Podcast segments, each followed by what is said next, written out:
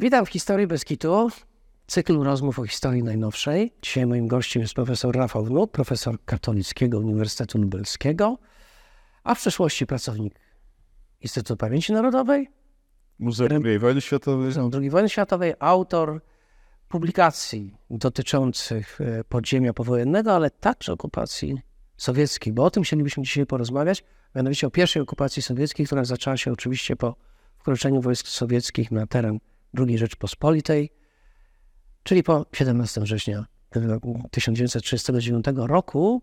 A moje pierwsze pytanie y, jest, o jakich ziemiach mówimy, które zajęli Sowieci? Dzień dobry, dziękuję za zaproszenie. Rzeczywiście e, napisałem książkę za pierwszego Sowieta.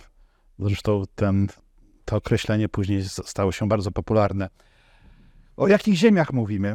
Mówimy o ponad 50% ziem przedwojennej Polski, o ziemiach położonych e, na wschód od linii Bugu i e, e, Suwalszczyzny. I mówimy o ziemiach zamieszkałych przez 13 milionów ludzi, czyli no, nieco ponad jedną trzecią przedwojennej e, e, Polski, jeśli byśmy liczyli e, ludność całego państwa. Jednocześnie mówimy o obszarze, który był nieprawdopodobnie złożony religijnie i narodowościowo. Oczywiście, gdybyśmy mówili o liczbach całkowitych, to Polacy tam jest około, to, to było około 40, nieco ponad 40% populacji, Ukraińcy nieco ponad 1 trzecia, 32-33%. Tylko przepraszam, że będę słowo, ale jakbyśmy to z tego wyciągnęli na przykład Galicję Wschodnią, to tam Ukraińców było z 60%. No. To jakby, jeżeli będziemy patrzyli na regiony i na poszczególne województwa, to cała ta układanka się rzecz jasna e, e, e sypie i komplikuje. E, Białorusini tak naprawdę nie wiemy ile procent, bo z tą tożsamością białoruską i sposobie liczenia mamy duże problemy, ale to było co najmniej 8-10% e, e, ludzi e, tam zamieszkujących i około 9-10% mm, Żydzi. Także to jest jeden, jedna układanka, jeden przekładaniec. Drugi przekładaniec to jest przekładaniec religijny, bo mamy mm, ludzi wyznania mojżeszowego, Żydów, mamy katolików rzymskich, e, najczęściej kojarzonych z Polakami. Mamy katolików greckich e, w Galicji, czyli Kościół grekokatolicki był praktycznie kościołem narodowym ukraińskim i mamy Kościół prawosławny. Na Wołyniu to są Ukraińcy, na terenie... Czy Ukraińcy w sensie ukraińska cerkiew prawosławna? Kościół autokefaliczny polski prawosławny jest jeden. Jeszcze wtedy. I on jest niezależny od Moskwy. E, Pomyliło mi się z czasami dzisiejszymi. Tak jest. I w ramach tego kościoła autokefalicznego prawosławnego mamy prawosławnych Ukraińców, prawosławnych Rosjan, prawosławnych Białorusin, w jednej organizacji prawosławnych tutejszych i prawosławnych Polaków, bo mniej więcej 20% E, ludzi mówiących gwarą miejscową, a będących prawosławnymi na Wileńszczyźnie i na Nowogródczyźnie podawało jako e, e, narodowość, narodowość polską. Krótko mówiąc, niektórzy ludzie w domu mówili językiem tutejszym, chodzili do, żona chodziła do kościoła greko, przepraszam, prawosławnego, mąż do prawosławnego, a oboje uważali się za Polaków. Natomiast kiedy szli do urzędu, przechodzili na język, albo do szkoły, przechodzili na język polski i to było całkowicie gładkie. E, te tożsamości jeszcze w okresie międzywojennym się nie kłóciły. W końcu mamy grupę różnie liczoną, 4 e, do, do 7-8% nawet tak zwanych tutejszych, czyli ludzie, którzy, ludzie, którzy w ogóle nie, e, nie chcą się identyfikować narodowościowo i mówią, że oni są stąd, z Polesia, oni są stąd, z Wołynia. I to są najczęściej osoby wyznające, wyznające e, prawosławie. Natomiast jeżeli spojrzymy na poszczególne regiony, no to Polacy byli większością niewielką, ale jednak, jedynie na Wileńszczyźnie, Nowogródczyźnie i Białostoczyźnie, gdzie byli zdecydowaną większością, to jest ponad 70%. Natomiast były regiony, gdzie Polacy byli absolutną mniejszością. Wołyń to jest kilkanaście procent, podobnie województwo stanisławowskie czy Polesie. Tam Polacy są e, naprawdę mniejszością i to głównie mniejszością miejską. Głównie mniejszością miejską. Y, Natomiast na przykład e, na Tarnopolszczyźnie Polacy to jest nieco ponad 1 trzecia e, e, ludności i tam jest bardzo duża grupa Polaków rolników. Także mamy tutaj niesłychanie skomplikowane układy. Żydzi mieszkają w małych miasteczkach, często to jest 70 parę, 80% ludności, to, to są typowe sztetle. Y, Lwów, Wilno, to ci Żydzi jest mniej więcej 1 trzecia e, ludności, ci, przepraszam, y, w dużych miastach takich jak Wilno, Lwów, Żydzi to około 30% e, mm, ludności, częściowo e, e, mieszkający w oddzielnych kwartałach, częściowo z- zmieszani z e, Polakami. Wszystko zależy od tego, jaką e, rolę społeczną, jak byli w stratyfikacji społecznej W umieszczeni. Białym Stoku procent ludności żydowskiej był przypadkiem jeszcze większy nawet niż. To jest około 40%, zdaje się. Natomiast to jest tr- troszkę tak, że e, trzeba by było to uchwycić w czasie.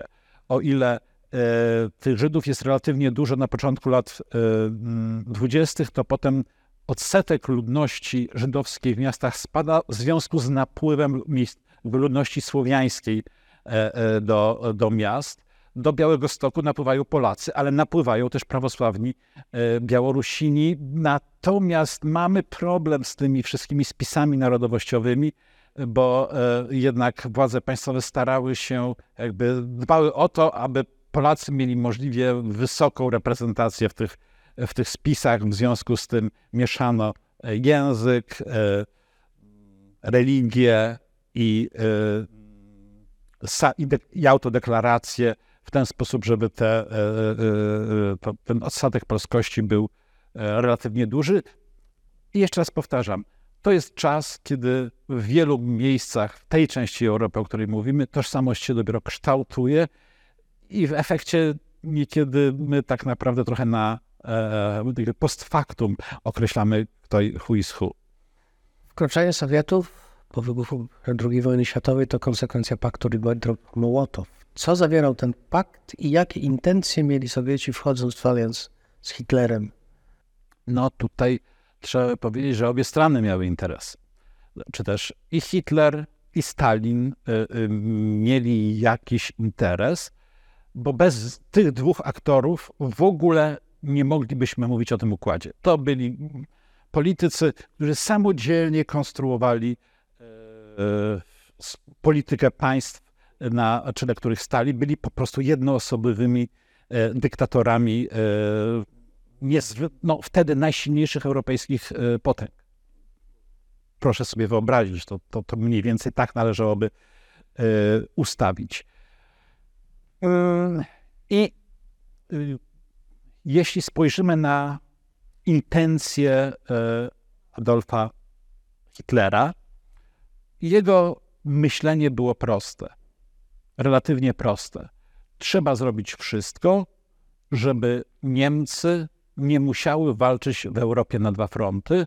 Nie chciał powtórzyć błędu I wojny światowej. Zugar inaczej, on przewidywał dwa fronty, a może raczej przewidywał uderzenie na Polskę, a z tyłu mamy Francuzów i Anglików, prawda? Dokładnie tak. Natomiast on chciał szybkiej wojny z Polakami, czyli y, która, mm, która to wojna doprowadzi do błyskawicznego wyeliminowania frontu e, wschodniego i zabezpieczenia go, po to, żeby później mieć możliwość powtórzenia tego błyskotliwego manewru e, na Zachodzie. Jak długo nie miał pewności, że Związek Radziecki nie włączy się do tej wojny, tak długo e, e, nie mógł takiej operacji przeprowadzić. Zwyczajnie bał się powtórzenia scenariusza pierwszowojennego. No ale to oznaczało, że był gotowy na duże koncesje, żeby ten, ten, ci Sowieci się w tę pierwszą fazę konfliktu nie wmieszali, prawda? E, Tak.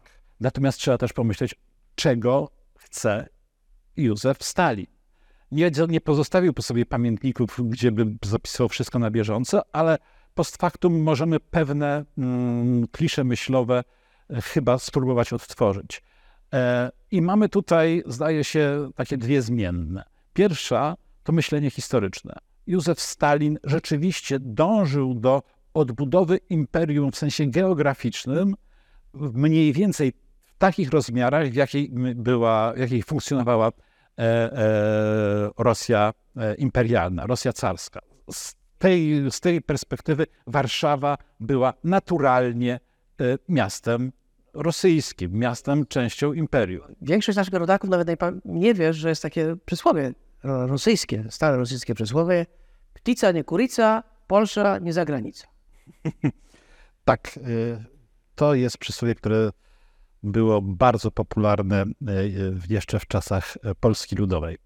Natomiast y, wracając do mm, naszych rozważań o tym, co mógł, czy też co myślał e, y, Józef Stalin, on jakby miał ten pierwszy scenariusz w głowie historyczny, e, ale jednocześnie myślał alternatywnie, chociaż te, scenariusze się wcale nie wykluczały. E, Mianowicie mm, wepchnąć Niemcy w wojnę z Zachodem, która to wojna, jak przepuszczał e, za- zarówno e, Stalin, jak i, i wojskowi, będzie długotrwała.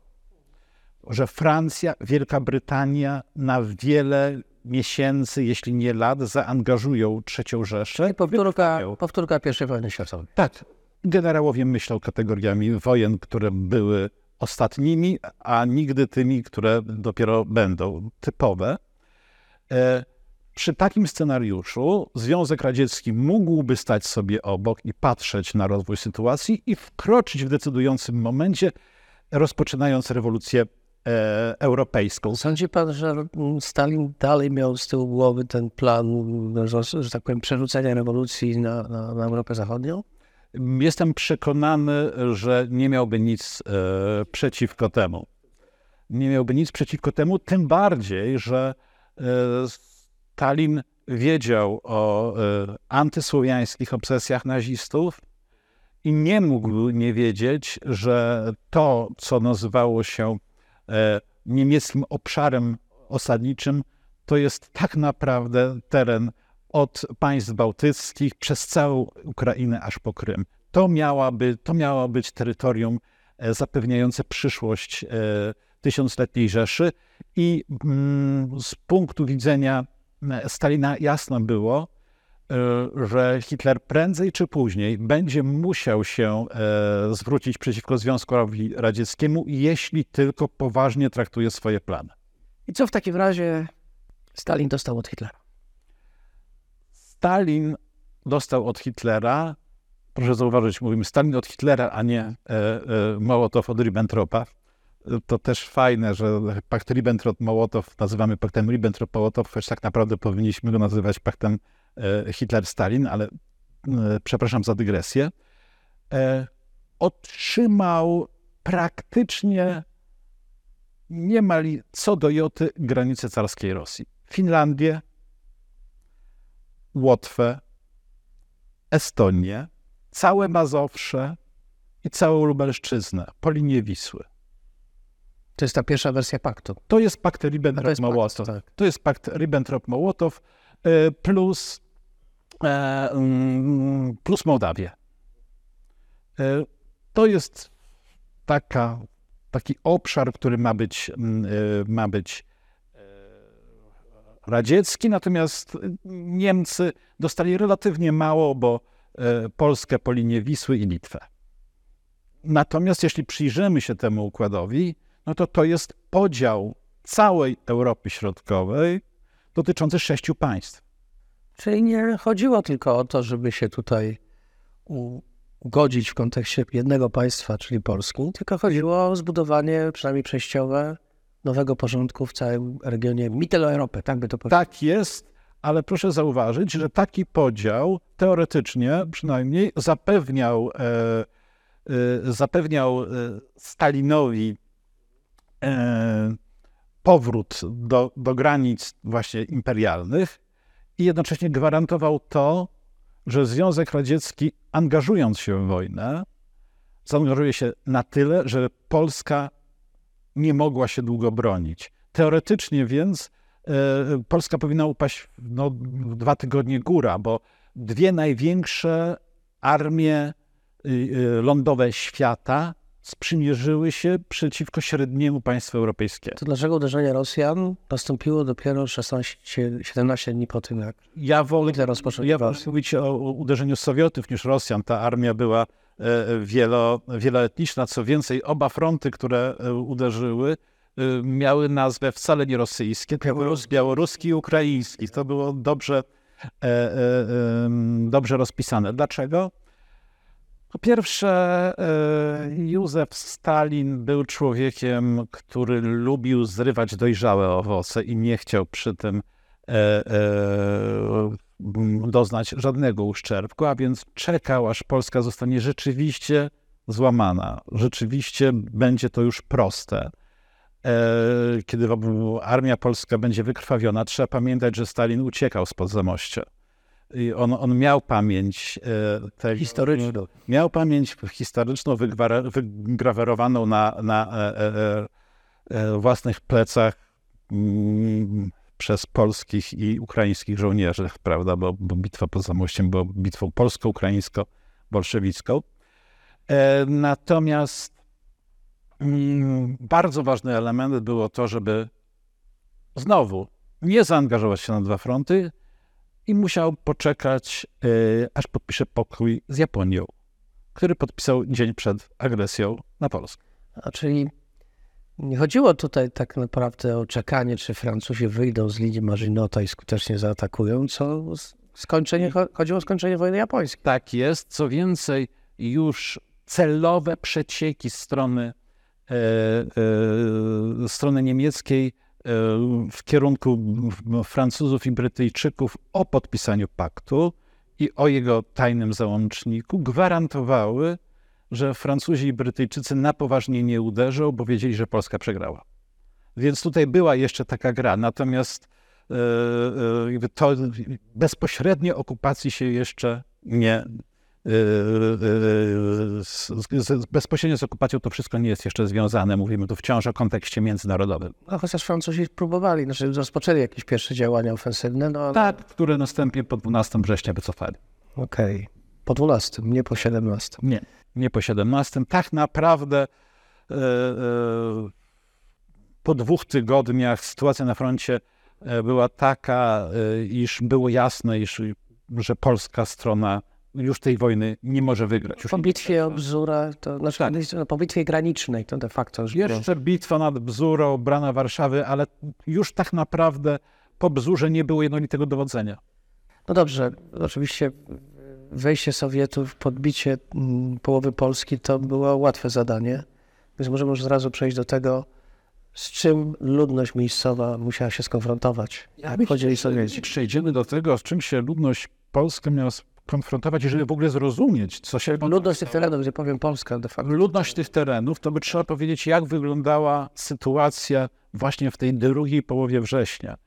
E, No, Polska wtedy zaczęła się rozpadać po szwach narodowościowych. I to trzeba sobie jasno powiedzieć. E, Z jednej strony Ukraińcy, Ukraińcy związani z organizacją wojskową e, OUN, e, Organizacji Ukraińskich Nacjonalistów, wystąpili zbrojnie przeciwko wycofującym się oddziałom polskim i przeciwko lokalnej administracji. Więc To były, przepraszam, że mnie to słowo bardzo interes- zainteresowało, ale mówimy o jakichś epizodycznych wydarzeniach, czy o czymś na zasadzie jakiejś rebelii, redenty, no chyba... Ukraińcy w ogóle chcieli wywołać powstanie, ale Niemcy im zabronili.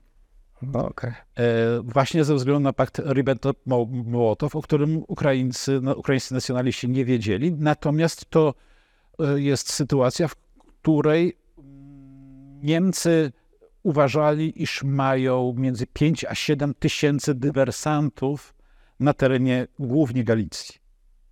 E, I to, to były naprawdę dobrze zorganizowane grupy. Z drugiej strony, Zaopatrzone w broń?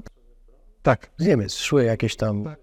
tak jest zaopatrzone w broń, w e, em, materiały wybuchowe, y, które to jed- jednostki jednocześnie, które to grupy e, miały przeszkolonych przez Niemców dywersantów. Te szkolenie odbywało się Szczecinie, w Wolnym Mieście Gdańsku, w paru miejscach e, na terenie Rzeszy, ale również w Wiedniu, prawda? Także mm, to jest jeden element.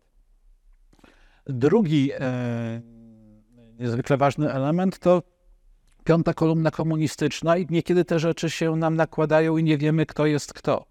E, czyli, mm, czyli działacze prokomunistyczni, którzy działają i na Wołyniu, i e, na Polesiu, i na Nowogródczyźnie.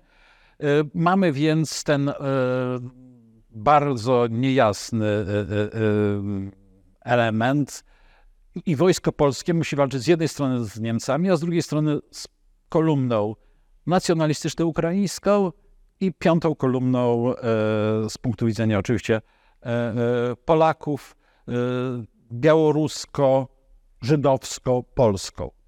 Bo Polska w tym sensie, że polscy komuniści. Polscy komuniści oczywiście również angażowali się w to, aby... Fakt mało znany i warty podkreślenia. Aby, po, oczywiście mm, Polaków, Polacy najwięcej tracili, Polaków było w, tym, w tych grupach na, relatywnie najmniej. E, ale, ale byli. To nie jest tak, że, e, że oni wyparowali i, i to są tylko grupy białoruskie, żydowskie i, i ukraińskie. Tylko, że pozwoli pan, bo dopowiem jeszcze a propos tych e, grup komunistycznych. No, to komunistyczne partie Białorusi, Ukrainy, rozumiem, to bardziej składały się z Ukraińców czy Białorusinów. To nie jest takie proste. Również.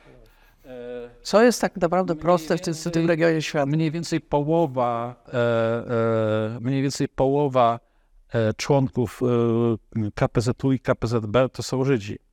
E, bardzo często to jest tak, że ci ludzie, powiedzmy, niżej w organizacji to jest ludność miejscowa, a ci bardziej wykształceni, umiejący czytać, to, to są Żydzi z tego powodu, że oni byli narodem E, czytającym, studiującym, więc... Bo ja spotkałem się z ciekawą inną taką teorią a propos dużego uczestnictwa ludności żydowskiej w tych organizacjach komunistycznych, mianowicie takiego, że partie komunistyczne to były jednak partie miejskie. No i ten odsetek... Od... Mało miasteczkowe. Ale jednak odsetek mieszkańców, że tak powiem, w tych miastach y, ludności żydowskiej był na tyle duży, że trudno by było oczekiwać, żeby ta reprezentacja była mniejsza. Tak, natomiast jednocześnie musimy wiedzieć, y, musimy pamiętać o tym, że, że, że, cała grupa komunistów w Polsce to jest 20 tysięcy ludzi, więc jeżeli w tym wszystkim, e, jak, jak będziemy mówili, ilu tam jest Żydów, czy też e, Białorusinów, Ukraińców, Polaków, to jest naprawdę niewielki, bardzo niewielki odsetek tych grup. Także no tak, oczywiście. Ich waga je, wynika z momentu, w którym to się dzieje, a nie z ich e, nadzwyczajnej e, liczebności. I jakby tym momencie Polacy, wojsko polskie, ale też polska administracja mają poczucie, że zostali zdradzeni, cudzysłów, przez mniejszości narodowe. Tym bardziej, że dzieją się rzeczy, to bardzo jest ciekawe wśród e, e, wypowiedzi żołnierzy polskich, e, dla których członek czerwonej opaskowej milicji ludowej, ich rozbrajający to jest w ogóle potwarz, ale najczęściej z ich perspektywy to jest Żyd lub Białorusin, czyli osoba, która w dwudziestoleciu międzywojennym e, była raczej na marginesie życia politycznego i społecznego i, e, i nagle oni pokazują się jako twarz, jako twarz rewolucji, prawda? Albo ukraińscy chłopi, którzy E, e, są opisywani troszeczkę w takich sienkiewiczowskich e, klimatach, że znowu czerni ruszyła na cywilizację. I to jest fakt, że jednak nie udało się stworzyć, zrealizować projektu wielonarodowościowej Polski w okresie II Rzeczpospolitej, więc też szwy popruły się E, e, bardzo szybko. Nie udało się, bo też nie było dużo woli, żeby taką Rzeczpospolitą stworzyć. To niewiele. Jest, to jest bardziej skomplikowane. Były siły, które tego chciały, były siły, które tego nie chciały. Ale większość niewątpliwie nie myślała w tych kategoriach. Ale też nie było, e, jeśli na przykład mówimy o Ukraińcach z Galicji, w ogóle chęci czy woli, bo z ich perspektywy to była okupacja. była okupacja, więc mamy tutaj niesłychanie dużo zmiennych. Okay. No ale i przez, te, i przez 20 lat II Rzeczpospolitej tereny się leciutko naskórkowo zabliźniły, potem łatwo to mogło wszystko się e, e, rozejść. Natomiast Polacy byli tą grupą, która traciła swoje państwo. E, Biało, dla Białorusinów, Ukraińców, wejście Sowietów było zmianą sytuacji, która wcale wielu z nich nie pasowała. Dla Żydów wejście Sowietów było ratunkiem przez, przed nazizmem, Tak, okej.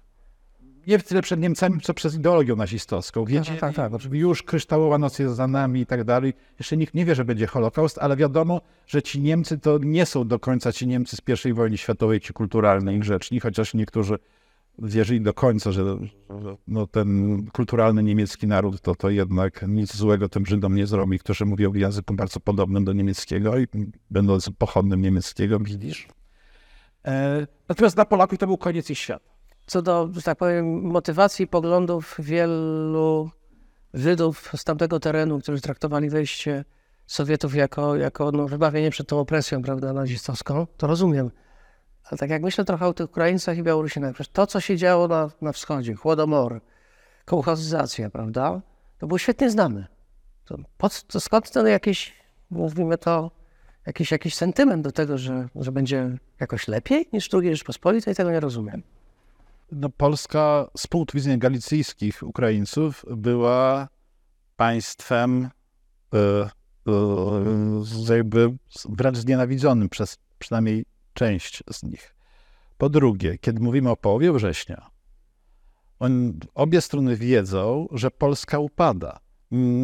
Ukraińcy stawiają na niemiecką kartę i mają nadzieję, że tutaj Niemcy zbudują zaraz zaraz e, jakieś państwo ukraińskie, które będzie mm, dla nich przestrzenią aktywności e, politycznej. Jeśli mówimy, jeżeli mówimy o tych Ukraińcach, m, czy też prawosławnych z Wołynia, Polesia, e, Ukraińcach i, Białorusinach, to oni po prostu wracali do pewnej e, e, sytuacji politycznej i kulturowej, która była dla nich naturalna przez ostatnich 200 lat.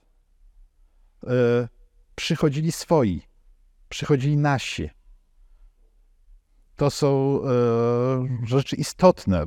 Przecież e, granica, która powstała w 21 roku, była z punktu widzenia tych ludzi granicą stosunkowo świeżą, przecinającą stare więzi społeczne. Także każdy mógł sobie budować w tym momencie przyszłość e, bardzo, bardzo różnie, bardzo e, e, idealizować, mieć nadzieję, że, że jakoś to się ułoży.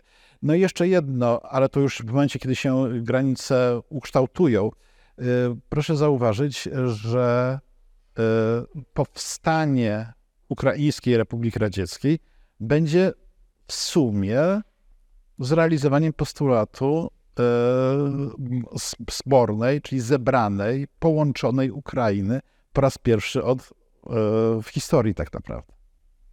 Czyli ten postulat patriotów łamany przez nacjonalistów ukraińskich paradoksalnie realizowali kom- komuniści. Wkraczają komuniści i co czynią? Komuniści wkraczają w anturażu przez siebie robionym nie okupacji, nie wojny, tylko wyzwolicielskiego pochodu oraz e, rewolucji. Czyli Armia Czerwona nie walczy przeciwko drugiemu państwu w tej swojej opowieści, tylko niesie wolność zrewolucjonizowanemu ludowi białoruskiemu, ukraińskiemu i polskiemu.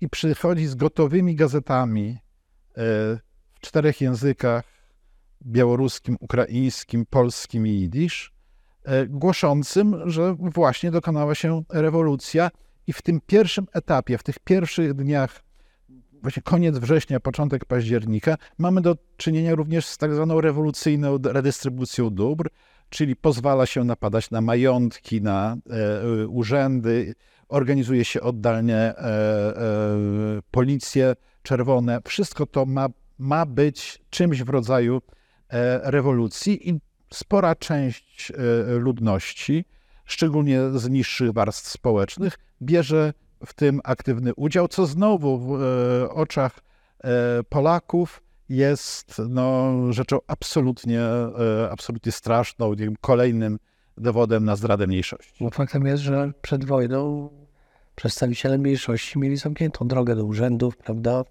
Znaczy, tak, jakby to jest jakby odrębny temat, ale rzeczywiście, rzeczywiście dla części lewicowo myślących mniejszości to, był, to była szansa. Jednocześnie jednak e, mm, elity finansowe żydowskie, polskie, e, białoruskie czy ukraińskie, właściciele dużych gospodarstw, prawda, Białorusin, który miał 25-30 hektarów, e, z jego perspektywy nadejście bolszewików to była, to była rzecz straszna, możliwość, perspektywa zabrania mu wszystkiego. On w tym momencie stawał się panem, przeciwko któremu e, e, występuje lud i e, władza radziecka. Ale do czasu wybuchu wojny sowiecko-niemieckiej chyba jednak komuniści kołchozów jeszcze nie wprowadzili na tym terenie, prawda?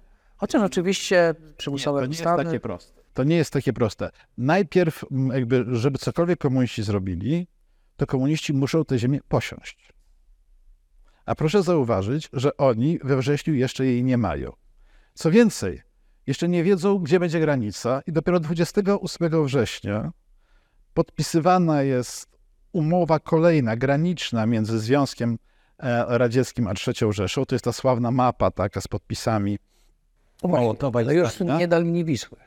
już z przeniesieniem e, na linię Bugu Właśnie dlaczego? e, do, dokonali sobie zamiany.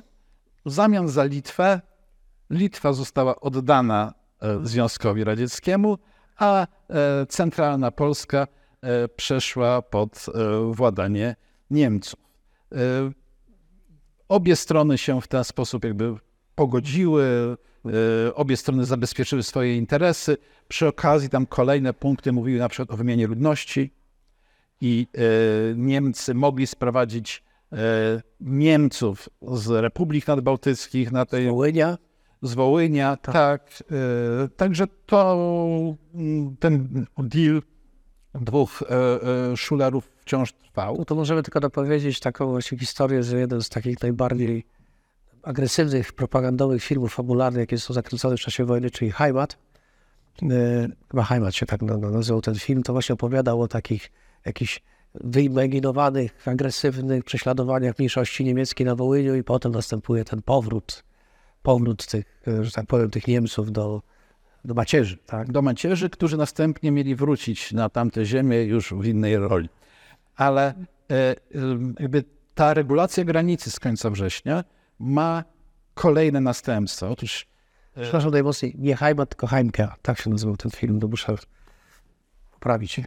ma, ta regulacja granicy pozwala prawnie y, uregulować kwestie Polski, czy też kwestie zmiany granic. Otóż e, Polska zostaje uznana za państwo nieistniejące, e, więc ziemię te może przejąć ktoś inny, mówię o myśleniu Sowietów, i trzeba to zrobić w ramach demokratycznych procedur sowieckich. W związku z tym w cudzysłowie demokratyczny. ogłoszone zostają e, wybory do rad zachodniej Białorusi, Zgromadzenia Zachodnio-Białoruskiego i Zachodnio-Ukraińskiego. Oczywiście są w pełni kontrolowane przez komunistów. Y, I to jest pierwsze zetknięcie ludności miejscowej z mieszaniną aparatu e, propagandowego i aparatu represji. Czyli e, społeczeństwo zostaje po raz pierwszy rozjechane e, w ten sposób, że w każdej szkole, w każdym zakładzie pracy, w każdym kwar, e, kwartale ulic, w każdym bloku mamy zmasowane uderzenie e, propagandzistów, gazet, gazetek, e, wieców. Każdy musi odbębnić obowiązkowo taki, takie jakby demoralizujące, łamiące kręgosłupy działania w połączeniu z działaniami opresyjnymi dla, wobec tych, którzy się otwarcie przeciwstawiają, proponują coś innego. W efekcie jest no, świetny wynik, 90 tam parę 7% bierze udział w głosowaniu. Zawsze to było między 96 a 99. To, to takie niekiedy pod 100 dotykało procent głosujących. Więc chorzy, by niepełnosprawni umysłowo też musieli w to wszystko e, wchodzić jako, jako ci głosujący i popierający. Dzięki temu ukształtowane zostały te dwa ciała. W Białym Stoku odpowiednio i we Lwowie odbywają się zjazdy. Te oczywiście, zjazdy powiedzmy dla naszych uczestników, którzy, naszych słuchaczy i, i, i widzów, którzy nie do końca te, te, historie znają, oczywiście po pierwsze nie było prawdziwej możliwości wyboru, kandydaci absolutnie nie było. zarzuceni, a po drugie, powiedzmy sobie szczerze, no wyniki to już sobie wcześniej zaplanowano, jakie mają finalnie być. Dokładnie tak. Nie było trójpodziału władzy. Władza e, wykonawcza e, nie była kontrolowana przez władzę sądowniczą, prawda? E, Nie było czegoś takiego jak wolność wyborów czy równy dostęp do mediów. Także tutaj mamy absolutnie jakby przejechanie się przed potkance społecznej e, czołgiem w tą i z powrotem. E, Te e, zgromadzenia deputowanych ludowych zachodnio-białoruskiego i zachodnio-ukraińskiego zwracają się do, do e, władz e, białoruskiej i ukraińskiej republiki o przyjęcie. Białoruska i ukraińska republika zwraca się w imieniu ludu pracującego miast i wsi zachodniej Białorusi i Ukrainy do Rady Najwyższej Związku Radzieckiego.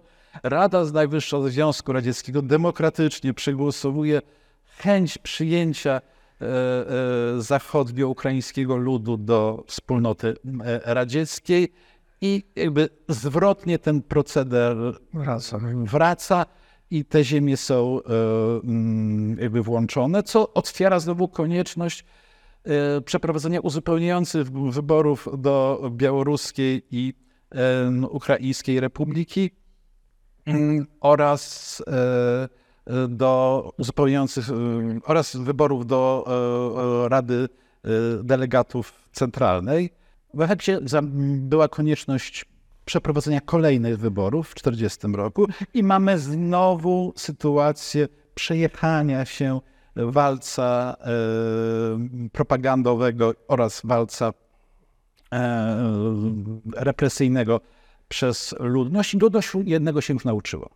Nieważne, co zrobimy. E, władza zrobi tak to, co chce. My musimy pójść do wyborów. Musimy tańczyć tak, jak nam zagrają, żeby przeżyć. To jest taka olbrzymia lekcja demoralizacji obywatelskiej i ona miała miejsce właśnie w tym okresie. I jakby to znowu pozwoli, znaczy ten proces trwa do początku listopada 1939 roku, włączania oficjalnego i mamy następnie posunięcie aneksyjne. Czyli e, już ta ziemia ma być tym samym, co Związek Radziecki. I mamy wtedy procesy uruchomione y, przejmowania dużej własności ziemskiej i średniej własności ziemskiej od kościołów, od instytucji itd., itd. Ta ziemia przechodzi na e, rzecz państwa. Y, Duże, średnie zakłady przemysłowe zostają znacjonalizowane. Cały system bankowy zostaje przejęty przez e, e, Związek Radziecki i e, m, jakby przyjeżdżają specjaliści bankowi z Moskwy, którzy zajmują się procederem przejmowania banków e, i, i tak dalej. Tylko jeżeli mogę wejść słowo, oczywiście duża własność ziemska i średnia odgrywała dużą rolę na wschodzie, no ale rozumiem, że małych gospodarstw Do parohektarowych... stycznia 40 roku cały czas mamy do czynienia z językiem chłopu ziemię, Tak, jasne. e, zabieramy wyłącznie Ale, wielkoobszarowe. ale, nie, ale nie rozparcelowano tych gospodarstw, nie rozdawano ziemi chłopom, prawda? Tylko Były również Takie e, przypadki. takie, takie przypadki, że rozparcelowywano e, e, dużą część e, ziemi chłopom po to, żeby kupić ich e, przychylność. I ten język to trwa przez e, pierwszy, mówię, listopad, grudzień do stycznia. W styczniu mamy zwrot. właśnie do, powiedzmy, co się dzieje na wsi, czyli w styczniu jest zwrot i jak I w styczniu zaczyna się e, namawianie do kołchozów, w ogóle zaczyna się mówienie o kołchozach, ale jeszcze nie ma tego jakby siłowego e, mm, wpychania chłopów do kołchozów. Natomiast powstają sowchozy, czyli na dużej części ziem przejętych od kościoła i od wielkiej własności powstają gospodarstwa e, państwowe, czyli już Należące do państwa. tak, bo to kowchozy i sowchozy to jest odpowiednio To, co mnie interesuje, i to, co mnie się tutaj interesuje, poza oczywiście kwestią, jest kwestią parcelacji ziemi, to kwestia tego, czy pozostawiono chłopom możliwość sprzedawania swoich płodów rolnych po, no, po cenach rynkowych. Czy tutaj Nie. też łapa rządowa natychmiast? Nie, nie, mamy tutaj do czynienia z likwidacją wolnego rynku. E, sklepy, sklepiki małe O muszą wejść w trasty, a istniejące spółdzielnie otrzymują radziecką czapę, czyli jest to uspółdzielczenie na sposób radziecki. Ale te trusty to oznacza de facto upaństwowienie. Upaństwowienie kol- kontroli nad handlem. Aha, w tym sensie. Znaczy jesteś właścicielem sklepiku, ale Ale niczego nie zrobisz bez pośrednictwa państwa. dokładnie tak. Niczego nie kupisz, a jak tak. sprzedać po określonej cenie. Tak. W efekcie mamy wybuch czarnego rynku. I czarny rynek staje się, że tak powiem, e, rynkiem właściwym, na co znowu nakłada się wymiana mm, pieniądza niesłychanie niekorzystna, która oznacza po prostu gwałtownie zbiednie, z- zbiedn- jakby gwałtowną utratę wartości pieniądza, a do tego wszystkiego tylko pewną część niewielką wkładów można było wymienić, więc, państw, więc państwo radzieckie zgarnęło oszczędności ludzi za jednym razem e, i osoby, które miały duże lokaty w e, bankach, wszystko, niemal e, wszystko traciły. No i w końcu rzecz bardzo istotna, związki wyznaniowe, prawda? Po pierwsze straciły własność tą dużą, po drugie mm, Kościół katolicki miał stosunkowo najlepszą sytuację, bo miał osobowość prawną odrębną. I y, miał jakiegoś reprezentanta y, y, za granicą, czyli Watykan, który coś tam mógł próbować robić. W efekcie jakby budynki kościelne były kościelne w dalszym ciągu, natomiast obłożono je bardzo wysokimi y, podatkami.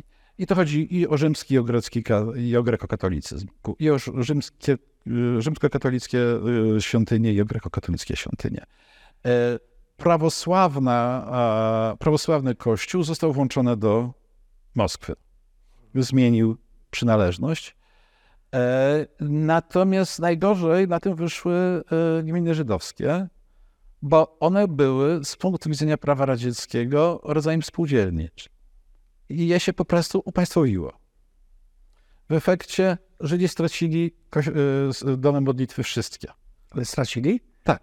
Myślałem, że jako państwowienie to, to może rabin stał się urzędnikiem państwowym. Ale Nie, nie, nie, nic z tych nie rzeczy. masz nic. Nic z tych rzeczy. Y, Można się modlić wyłącznie w prywatnych, jakichś domowych. Więc to było potężne uderzenie. Y, No i za tym szła e, zmiana szkolnictwa i to w tym momencie opowieści o takim trwałym entuzjazmie ludności żydowskiej w stosunku do nowej władzy są absolutnie, że tak powiem, nietrafione, biorąc pod uwagę to, jak ważną rzeczą dla tamtejszych Żydów była religia. Ujmę to tak. Dla starych ortodoksyjnych Żydów to był problem. Dla e, części wcale nie małej, szybko laicyzujących się e, młodych Żydów, to nie był aż taki wielki problem. Ale ci młodzi, laicyzujący się, to tak, to tak mniejszość tej społeczności. Nie potrafię powiedzieć, y, co było większością, co było mniejszością, ale mamy ewidentnie sytuację, w której e, co najmniej e, dla części młodych Żydów jest, otwierają się nieprawdopodobne perspektywy. Nie tylko młodych Żydów. Przy, mm, powiem o przypadku e, szkoły pedagogicznej, bo, ma, przepraszam, mamy do czynienia z biała, białorutynizacją i ukrainizacją szkolnictwa. To jest jeden element, a drugi element, szkoły zaczynają być za darmo na wszystkich poziomach. Czy to oznaczało de facto likwidację polskiego szkolnictwa? Częściowo tak. Częściowo. Częściowo, nie, nie całkowicie, ale częściowo. E, Natomiast ta białorutynizacja, szczególnie białorutynizacja, wymagała nauczycieli. Nie było nauczycieli języka białoruskiego, w związku z tym trzeba było otworzyć e, e, szkoły pedagogiczne, które wykształcą nauczycieli. No i jak otworzono, jeśli dobrze pamiętam, w Grodnie szkołę pedagogiczną, która miała kształcić białoruskich nauczycieli, to e, jeśli dobrze pamiętam, na, na, na 60 ludzi, którzy się e, e, zgłosili, którzy zdali dobrze egzamin z białoruskiego, z pisania i tak dalej, a 58 było Żydami. Okej. Czyli białoretynizację mieli przeprowadzać Żydzi, bo, bo oni jakby stawili się i tak dalej. Oczywiście partia musiała zareagować, wyrzucono większość tych Żydów i przyjęto e, Białorusinów, natomiast pokazuje, jaki był problem. Natomiast e, to też pokazuje, że uniwersytety, gdzie był, które po, prostu, po pierwsze wcześniej były płatne, po drugie był numerus clausus, teraz były otwarte dla wszystkich. I naprawdę bardzo, dla bardzo wielu osób e, to po prostu było szansą. Ale jak poradzono sobie właśnie z tym wątkiem językowym, na przykład na Uniwersytecie Lwowskim, gdzie był to Uniwersytet Polski, większość kadry to byli Polacy i co, i nagle to ma być z dnia na dzień ukraiński uniwersytet? E, Zrobiono tak, że on oficjalnie stał się ukraiński, ale dopuszczono dwujęzyczność. W efekcie większość zajęć była e, w języku, w języku polskim. Natomiast już pojawiały się sukcesywnie kolejne osoby mówiące po e, ukraińsku i e, e, ukrainizujące ten uniwersytet. Czystki, czy, czystki nie robią. Na początku y, czystka dotyczyła głównie administracji, kadry oficerskiej, e, leśników oraz jakby aktywnych humanistów, tych, którzy propagowali polskość wcześniej aktywnie, prawda? Czystka oznaczało nie tylko zwolnienie z pracy, ale przede wszystkim wywózkę. E, Wywózka to będzie za chwilę. Na razie czystka oznacza podziękujemy panu za pracę. A potem będę- będziemy mieli cztery wywózki. dziadek był leśnikiem na Polesiu. To był Zanim go zwolniono, to już w lutym znalazł się z całą rodziną. Pazianek, przepraszam. To prawdopodobnie w lutym podczas pierwszej Tak, tak, wywózki e, właśnie rodzin oficerskich i leśników e, e, został wywieziony i jakby wywózki to jest kolejny element jakby represji, represji,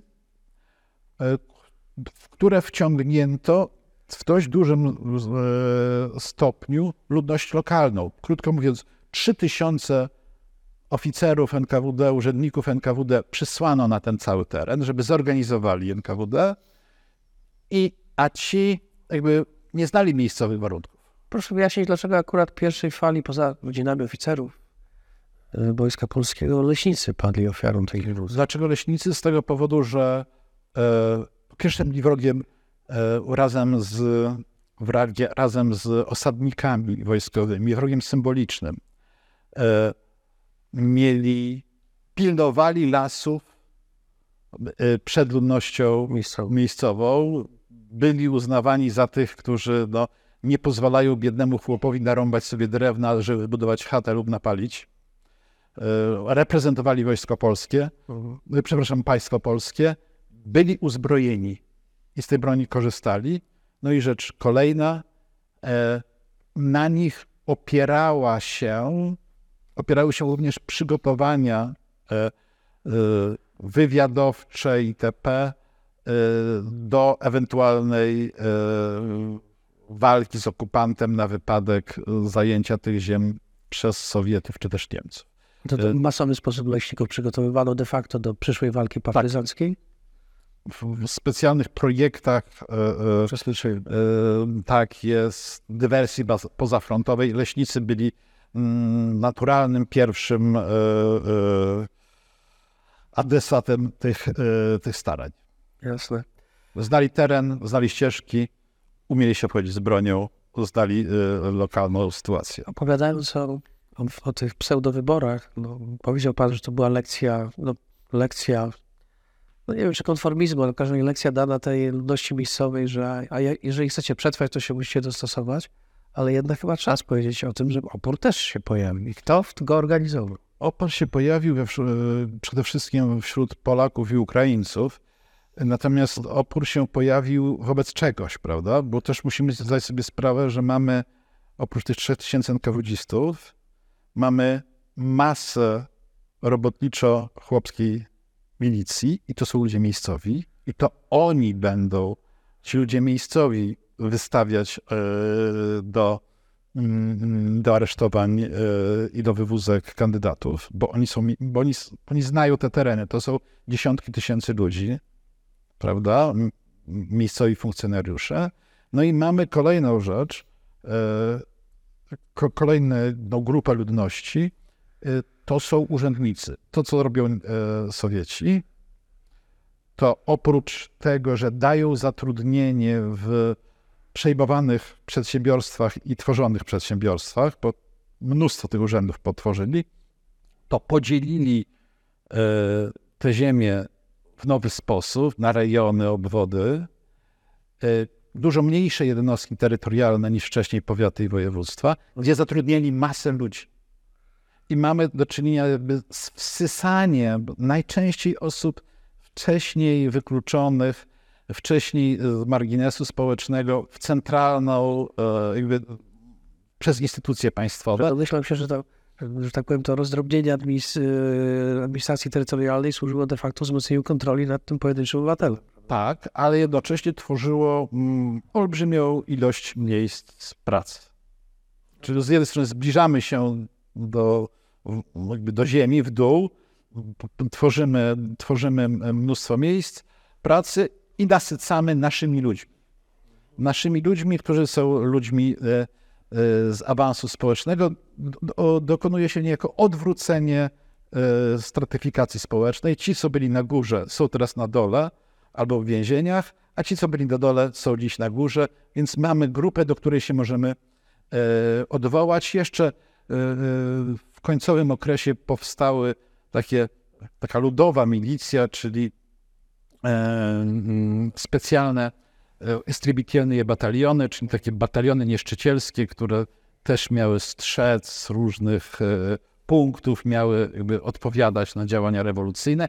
I tutaj już idziemy setki, setki, setki tysięcy ludzi. To jest jakby ta nowa, e, nowy człowiek się e, e, nam pojawia i wobec tych wszystkich przemian pojawiają się e, grupy oporowe. Pierwsza Polacy, którzy budują swoje siatki, najpierw rozproszone, różno na- nazywane, koniec końców e, przejmie nad nimi e, kontrolę Związek e, Walki Zbrojnej. To się stanie między, grud, właściwie między styczniem 40 roku, a kwietniem, majem 40 roku. I ciekawe, że tak szybko ZWZ rozciągnęło swoje, że tak powiem, organizacyjne macki na, na teren sowiecki, prawda? Ludzie, to był ten moment, w którym ludzie bardzo szukali kontaktu. Każdy jakby masowo zaczął to konspirować, to wszyscy sądzili, ok, byle do wiosny, wiosna Sikorski przyjedzie i się tu coś zacznie dziać, prawda?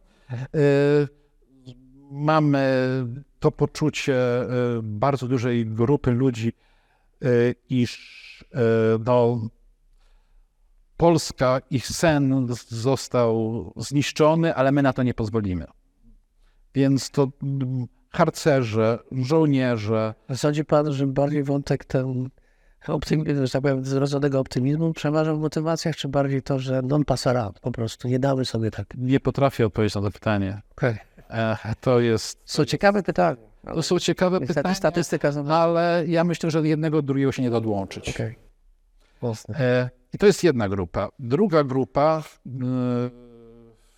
ja, tutaj mamy jeszcze rywalizację socjalistów z piłsudczykami, z narodowcami, którzy się muszą dogadywać. Powstają e, pierwsze grupy partyzanckie na Białostoczyźnie i Nowogródczyźnie. Także tu, tam się wiele dzieje. Że te grupy powstają tam, gdzie jest oparcie ludności polskiej miejscowej, gdzie oczywiście teren sprzyja. Gdzie są, gdzie są du, duże, gdzie jest dużo wsi i dużo lasów. Polskich. Dużo polskich wsi i to relatywnie dużo lasów, miejsca, gdzie się można ukryć. Nie było żadnego oddziału partyzanckiego polskiego, prawda, w Galicji, no bo wieś nie była polska. Na Polesiu też, prawda? Na Podlesiu też. E, Natomiast drugą grupą narodowościową, która tworzy swoją konspirację, to są, to są Ukraińcy, a właściwie nie tyle tworzy, co kontynuują e, działalność ołonowcy. Natomiast e, Sowieci, sowieckie służby uderzają w pierwszych miesiącach Polaków i szczerze powiedziawszy, między kwietniem, majem 45 roku. 40. 40 roku, przepraszam, między kwietniem, majem 40 roku, a jesienią 40 roku większość polskich siatek zostanie całkowicie zniszczona. Y, To było nie... ten sukces? E, po pierwsze, mm, to była masowa konspiracja krótkiego trwania, Innymi słowy, nieprofesjonalne. nieprofesjonalna. Tak. Druga rzecz, bardzo istotna, Francja przegrała wojnę w 1940 roku i coś, co się miało stać, Się się, się, się e, nie wydarzyło, więc ta konspiracja krótkiego trwania no, e, została, została e, postawiona w sytuacji, kiedy musiała potrwać e, trochę dłużej, no i niedocenienie e, możliwości e, NKWD, NKGB, niedocenienie e, umiejętności, doświadczenia i jak to e, później, e, na przykład Kulicki napisał w 1945 roku w jednym z rozkazów, umiejętności, e, profesjonalizm służb sowie, sowieckich e, i, i profesjonalizm służb niemieckich jest nieporównywalny. Niemcy są e, bardzo, bardzo słabymi uczniami w tej, w tej grze. To powiedzmy o generale, generale Okulickim, bo on wpadł w łapy NKWD. NKWD został aresztowany i jeżeli to napisał, to wiedział, co pisał. A wiedział, co pisał, bo coś ciekawego się tam właśnie rozegrało. E, Okulicki e, został wysłany w 1940 roku na, e, otrzymał rozkaz przejścia na stronę sowiecką, ażeby objąć dowództwo nad konspiracją pod okupacją e, sowiecką. Tylko nie wiedział, że już od Warszawy jest prowadzony przez e, agentów e, sowieckich. Czy siatki sowieckie przedwojenne były tak rozbudowane? Nie, nie przedwojenne. Nie przedwojenne. Nie przedwojenne. No to się wzięło. Wiosną 1940 roku został aresztowany komendant jednego z, okre- z e, e, e, znaczy, ważny oficer w dowództwie lwowskiej konspiracji, Macieliński, Rej, który został agentem sowieckim. Doprowadził do wyaresztowania ludzi, którzy mogli mu zagrozić i jednocześnie zbudował dowództwo, w którego skład w większości wchodzili inni agenci. Myślę, to nie jego inicjatywa, tylko już odpowiedni specjaliści Tak, on z Moskwy to zaplanowali. E, Zresztą e, jego syn był wtedy aresztowany przez NKWD, więc mieli dodatkowy argument. E, W efekcie obszar lwowski, bo on stanął w końcu na czele, został dowódcą w całej Galicji na Wołyniu polskiej konspiracji, był w rękach, e, był w rękach NKWD. Szef wywiadu był e, agentem, szef łączności był agentem i komendant okręgu e, był agentem i to oni kontrolowali łączność z dowództwem i Warszawie, z dowództwem w Warszawie i Waldy Wołyński, ten, który przeprowadzał Okulickiego, był również agentem. W efekcie on od moment, od Warszawy do Lwowa cały czas pozostawał pod kontrolą NKWD i się zorientował, że jest pod kontrolą NKWD i się zorientował co do roli Macielińskiego. Przygotował raport i próbował własnym kanałem przesłać, który się okazał niewłasny, e, tą informację do dowództwa, tym bardziej, że do wcześniej już do dowództwa ostrzeżenia dochodziły. E, I wtedy został zdjęty, aresztowany i wysłany na Łubiankę, gdzie sporządził e, po kilku dniach raport spisany własną ręką, w którym napisał, iż e, mm, lepiej, żeby Polska była czerwona, niż żeby jej e, wcale nie było i wy, wysunął coś w rodzaju propozycji takiej, iż e, Związek Walki Zbrojnej jako organizacja antyniemiecka będzie mogła e, współpracować z, e, z Sowietami przeciwko Niemcom. No, ale to chyba nie był człowiek bojaźliwy, a i chyba też nie zastosowano tortur. Ja nie potrafię powiedzieć, y, jakie tortury zastosowano, a jakie nie. No ale takie memorandum, inicjatywa w myśleniu, co dalej, to raczej sugeruje, że tak powiem, działania pod przymusem. Nic też nie wiemy z. No Właśnie co akta mówią. Historycy mają dostęp wyłącznie do tych akt, do których ich dopuszczą archiwiści, a rosyjscy archiwiści, jak sądzę, nie dopuścili nas do, całości. Jestem o tym nawet e, przekonany, ale z tych e, okruchów, które posiadamy, wyłania się i jego późniejszych e, różnego rodzaju raportów, które złożył po wyjściu do, do, z armią Andersa, jawi się obraz taki, że on próbował E, podjąć pewną grę, która miała doprowadzić do uwolnienia go, e, a on wtedy mógłby się zerwać, coś spróbować ostrzec komendę e, główną Związku Walki Zbrojnej. Rzecz jasna, nie miał jako oficer prawa do podjęcia gry natury politycznej, mhm. więc tutaj na pewno przekroczył swoje E, uprawnienia, a też pokazuje to pewną, pewną naiwność e, e, z jego strony, że będzie potraktowany przez czekistów w sposób, w cudzysłów, uczciwy. Moim zdaniem więc nie mamy do czynienia ze zdradą czy działalnością agenturalną, ale co najmniej z niefrapsobliwością i pewną niedojrzałością każdego decydenta.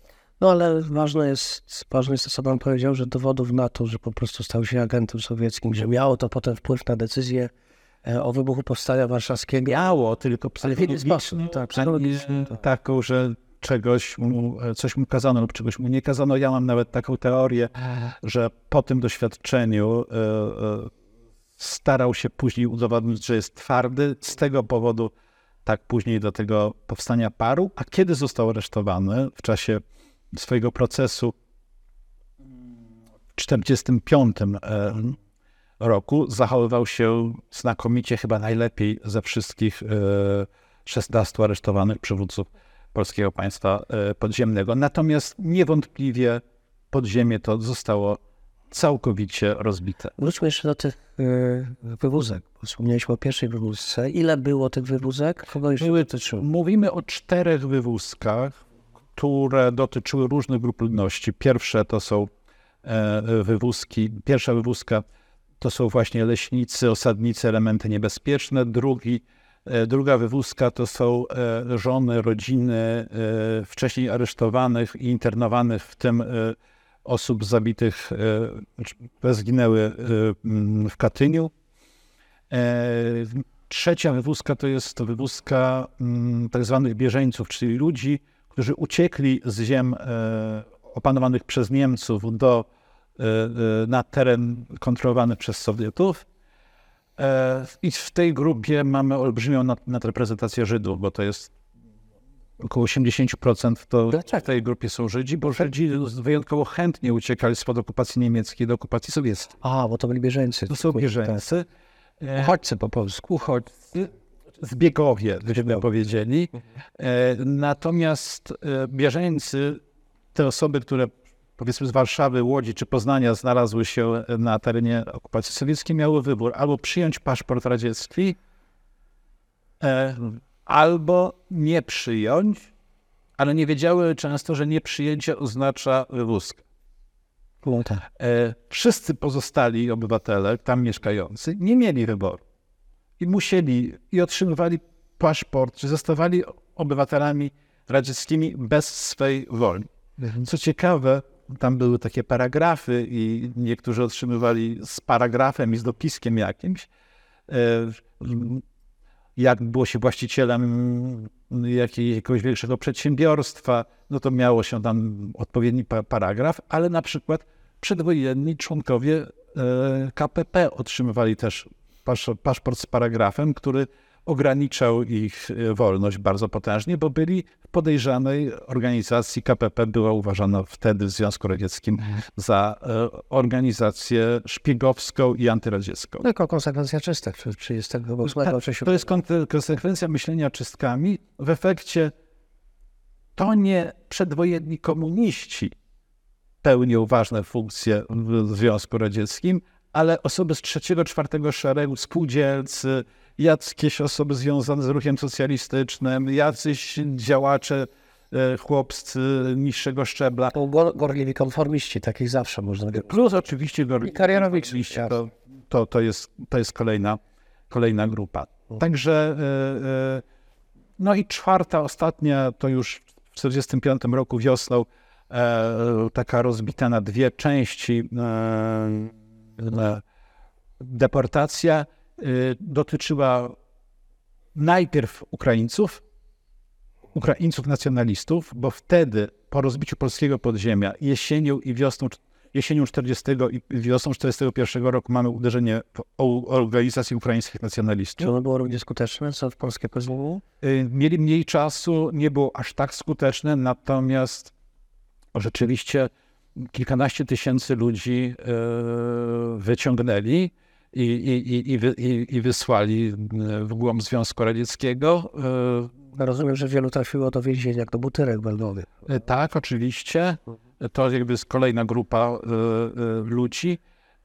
Oraz zaraz potem czyszczenie pasa przygranicznego z elementu niepewnego i to są jakby te, te duże wywózki z Wileńszczyzny, z Białostoczyzny. W sumie między 320 do 340 tysięcy ludzi z tego obszaru zostało wywiezionych. Około 100 tysięcy znalazło się w więzieniach i aresztowanych, ma plus ludzie internowani, y, czyli zbrodnia katyńska, z których 22 tysiące zostanie zamordowanych, plus objęcie poborem wojskowym. 210 tysięcy e, obywateli II Rzeczpospolitej zostało wchłoniętych do e, oddziałów e, Armii Czerwonej. Mamy więc w sumie razem no to będzie jakieś 700-800 tysięcy ludzi, którzy w jakiś sposób wejdą w szpony, w cały ten w całą tą machinę państwa radzieckiego i opuszczą tę ziemię. I zostaną wywiezieni z tamtego terenu z 13 milionów 700 tysięcy. To jest naprawdę bardzo, bardzo wysoki odsetek. Jaki jest stan badań na temat motywów Sowietów e, związanych z, z wydaniem wyroku śmierci na internowanych polskich oficerach i policjantach?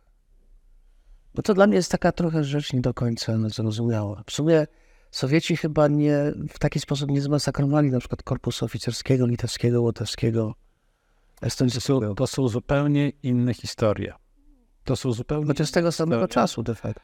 zmasakrowali inaczej i jakby bardziej rozciągnięty w czasie e, e, sposób. Natomiast ja myślę, że jednak powinniśmy bardzo poważnie potraktować e, to, co mamy w tak zwanym rozkazie katyńskim napisane, a w tym rozkazie katyńskim e, mm, stoi bardzo jednoznacznie, że traktujemy tych ludzi jako e, cytuję z głowy, więc to będzie nie, mm, nieprecyzyjne, zatwardziałych, niemożliwych do reedukacji wrogów państwa radzieckiego. Ale to musiało być cały czas w tej fazie, ta, ta decyzja podjęta w tej fazie, w której cały czas przewidywano, że tutaj gdzieś Niemcy utkwią na zachodzie. Tak jest. Na, proszę zauważyć, że różnica w podejściu do wojskowych e, estońskich, łotewskich czy litewskich będzie wynikała również z tego, że już będzie pewne, iż na zachodzie wojna długo nie będzie trwała. Bo tak, że Katyń to jest wiosna 40. To jest marz, Jeszcze przed kwiecień 40 roku, a e, estońskie wojsko po prostu w całości wcielono do Armii Czerwonej. No tak, tak, bo to będzie z korpusów, prawda? Trzy korpusy. Trzy korpusy. Trzy korpusy narodowe stworzone. Następnie dopiero po stworzeniu korpusów doce, wykonano tam zabieg e, e, pod tytułem sprawdzenie kadry oficerskiej i osunięcie części z niej, zastąpi, zastąpienie kadrą radziecką. Wspomniał Pan wielokrotnie o tym elemencie współpracy z władzami sowieckimi, tylko że oczywiście takie mam wrażenie, że często pada tutaj ludność miejska, miejscowa w kontekście miejscowych Ukraińców, Białorusinów, Żydów, ale też chyba warto zadać, chciałbym zadać to pytanie, no tak, no jeśli o, że tak powiem, polskich mieszkańców. Oczywiście mamy e, symbol Wandę e, Wasilewską, która po prostu e, była swego rodzaju ulubienicą Stalina i miała rzeczywiście dostęp do jego ucha bezpośrednio. członkiem e, KPP przed wojną. Tak, to też pokazuje, jak traktowano przedwojennych komunistów. Ona była redaktorką Płomyczka. E, Skąd ten sentyment do pani Wandy? W sumie to córka Leona Wasilewskiego, przyjaciela Józefa Piłsudskiego, chyba też ojca chrzestnego pani Wandy, prawda? Tak jest. Co to jest w historia? Nie potrafię odpowiedzieć na to pytanie, natomiast ona po prostu potrafiła do siebie przekonać e, Stalina. Chyba, również atrakcyjna mu się wydawała w jakiś tam sposób. E, Gdyby nie potrafię na to, na to pytanie odpowiedzieć, natomiast e, starzy komuniści e, naprawdę ten afront odczuwali bardzo mocno, że to nie oni stali się e, ważni, tylko jakaś tam e, e, absolutnie trzeciorzędna osoba niezwiązana z ruchem komunistycznym przed wojną. Są chyba takim symbolem, symbolem represji ludzi o radykalnie lewicowych poglądach jest wywózka Broniewskiego. Który wcześniej pisał w Nowych Widnokręgach, który wcześniej e, e, jakby otrzymał szansę, a kiedy okazało się, że, no, że więcej w nim polskiego szlachcica niż e, prawdziwego znającego zasady gry komunisty, to się z nim pożegnano. Trzeba pamiętać, że ten sam Broniewski walczył po stronie polskiej w wojnie polsko-bolszewickiej, więc to bardzo ciekawa, e, ciekawa postać. A czy w ogóle, nie wiem, komuniści budowali jakieś kolaborackie organizacje złożone z Polaków, które by tam, nie wiem, Czy mamy bar, może nie tyle kolaboranckie organizacje, bo w Związku Radzieckim nie ma miejsc, nie było miejsca na jakieś odrębne polskie czy niepolskie komórki. E, przyjmowano do partii bolszewików indywidualnie. Natomiast e, rzeczywiście jesienią 40 roku mamy zwrot. Mamy ewidentny zwrot. E, Pewnie e, spowodowany zmianą sytuacji na Zachodzie, ale również e, zorientowaniem się, że to już nie Polacy są największym zagrożeniem, ale Ukraińcy. W efekcie Stalin mówi o przejęciu antypolskim i takim gestem i jest rok Mickiewiczowski, też, przepraszam, takim gest, gestem e, są uroczystości mickiewiczowskie. Mickiewicza kreuje się na prekomunistę i Polakom pozwala jakby otwierać szkoły, działać e, e, w ramach polskiej społeczności, ale już po oczyszczeniu tej społeczności z elementów no, klasowo wrogich, czyli mamy do czynienia to, co wcześniej uczyniono z Białorusinami, Ukraińcami czy Żydami, czyli ma być e, e, mm, narodowo w formie, e, ale postępowo komunistycznie e, w treści. Kiedy mówimy o obywatelach polskich, Żydach na przykład, e, to e, można było pisać e, widzisz, bo to jest język proletariacki, ale hebrajski był zakazany jako język kapitalistyczny. E, I tutaj mamy e, oczywiście nie ma to dozorowania e, w języku, e, ale e, mamy tą sytuację, że postępowi Polacy zapraszamy i tutaj też pokazuje się pewien no, umiejętności strategiczne Stalina, który już przewiduje, że coś będzie i zaczynają się próby budowania jakichś zaczątków polskich sił zbrojnych. Myśli się o tym, żeby Lwów może stał się takim polskim Piemontem, do którego się przyłączy resztę Polski. Zaczyna się e, tworzyć... też gdzieś w dokumentach tak, ślady tak, tak, tak, tak, zaczyna się tworzyć, e, szkolić e, Polaków e, w ośrodkach NKWD, e, by tworzyć polskie służby specjalne na przyszłość. Tego typu myślenie się e, Znaczy, ewidentnie pojawia. szefowie Urzędu Bezpieczeństwa polskiego pochodzenia, to już wtedy byli. Wtedy zaczyna się już wyłuskiwać, szkolić. Tu, tutaj, ja nie twierdzę, że już był gotowy plan PKWN-u, E, tak. e, natomiast mamy takie myślenie, Kadry już powolutku. Mamy takie myślenie, że może taka okazja będzie, że na taki scenariusz też trzeba być e, przygotowany. Rozumiem. W tym momencie nie dziwi to, że kiedy uderzają Niemcy, no to ludność miejscowa, szczególnie Ukraińcy, ale może i nie tylko, przyjmują ten fakt z ulgą. Niemcy są witani z kwiatami, ale dochodzi do wybuchu pogromów, prawda? Mamy różne, mamy kilka e, e, procesów. Jeśli chodzi o Ukraińców, to jest absolutnie przekonanie, że teraz ta karta niemiecka jest nasza. Dochodzi do regularnych e, e, e, walk z Sowietami i dochodzi do stworzenia rządu ukraińskiego w Lwowie bez zgody, bez zgody e, Niemców, który to rząd zostanie wyaresztowany. Dokładnie to samo w czerwcu zrobił Litwini, którzy w Wilnie, w polskim Wilnie stworzą e, rząd litewski, który też będzie chciał być częścią e, nowej Europy Hitlera, nowej nazistowskiej Europy. I też Hitler powie, nie dziękujemy, prawda? No tak. E, natomiast e, jeśli mówimy o wsi, o tej średniej, bogatszej wsi, o miasteczkach, no to Litwini, Ukraińcy, ale i bardzo wielu Polaków, widząc oddziały niemieckie wkraczające, naprawdę się cieszyło i naprawdę witało ich kwiatami, mlekiem i chlebem, ciesząc się, że e, e, to jest koniec tego upiornego czasu, a jednocześnie ci, którzy byli na górze, e, wyzniesieni przez komunistów, zaczynali się czuć odtrąceni, bo stracili swoją, swoją ojczyznę. Mamy i oni zaczynają albo się przystosowywać, albo e, iść do lasu, konspirować. E, I na to wszystko nakłada się e, przekonanie, że to, co było, to było Żydakom, Żydokomuna, co jest bardzo mocno podbijane przez niemiecką propagandę. Znaczy, przypadkiem jest to wykorzystanie tego kulturowego symbolu kozła ofiarnego. E, Bardzo się dobrze Żydzi nadawali do tego. Tak, natomiast jeśli spojrzymy na przykład na to, w jaki sposób Niemcy przygotowywali podziemia litewskie, ukraińskie, y, to oni naprawdę, oczywiście wykorzystując istniejące uprzedzenia, ale do, naziści naprawdę wierzyli w Żydokomunę.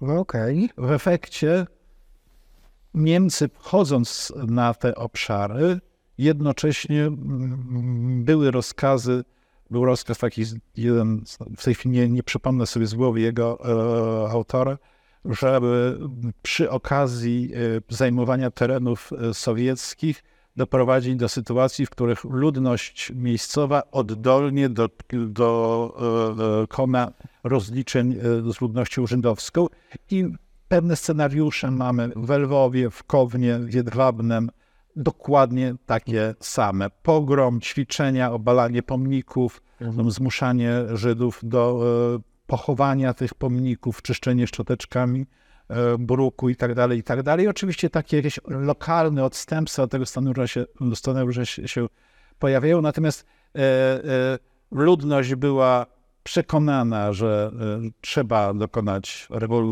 gwałtownej zmiany, miała przekonanie, że Żydzi byli częścią systemu, że przynajmniej część Żydów była częścią systemu bolszewickiego, a Niemcy ich w to nie tylko mm, otworzyli do tego drzwi, ale do tego ich pchnęli. Mamy tutaj więc kilka zachodzących procesów, które e, e, w tym inter, interludium e, między Sowietami a Niemcami. Tak, to projektowanie, że tak powiem, winy mm, lokalnego sekretarza partii czy urzędnika żydowskiego pochodzenia na całą społeczność, często Żydów ortodoksyjnych, jest chyba no, takim mechanizmem, który Mówiąc wzbudza to, co staram się opisać pewien proces, a nie, a nie, a nie operować kategoriami winy e, lub niewinności. Wiadomo, że każda zbiorowa odpowiedzialność, mordowanie dzieci, mordowanie osób nieuzbrojonych, e, no jest, e, Zbrodni. jest zbrodnią i, i, i nie może mieć miejsca. Natomiast proszę zauważyć, co tam się dzieje.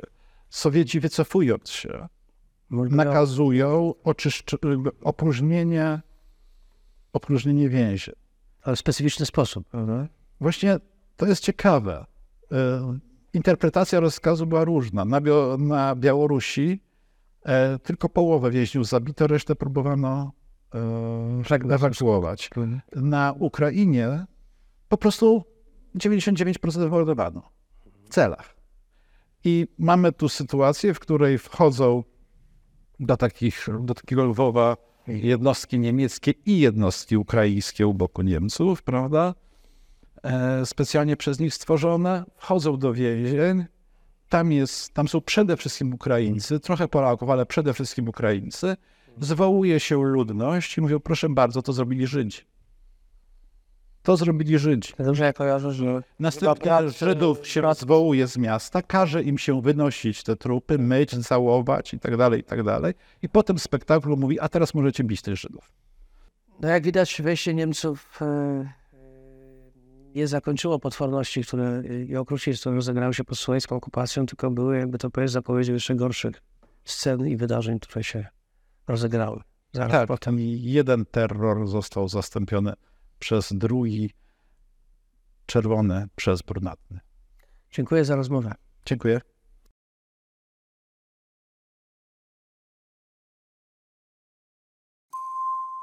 Rozmowy odbywają się dzięki Towarzystwu Edukacji Obywatelskiej o historię. Jak zawsze zapraszamy do subskrybowania naszego kanału YouTube, a także zapraszamy na podcasty w serwisach Spotify i Apple Podcast. Oczywiście wszystko pod nazwą Historia bez kitu. Jeśli podoba Wam się nasz e, kanał YouTube, możecie nas wesprzeć e, w serwisie Patronite pod adresem patronite łamane przez Historia bez kitu albo kupić nam symboliczną kawę w serwisie Buy Coffee łamane przez Historia bez kitu. Bądźcie z nami.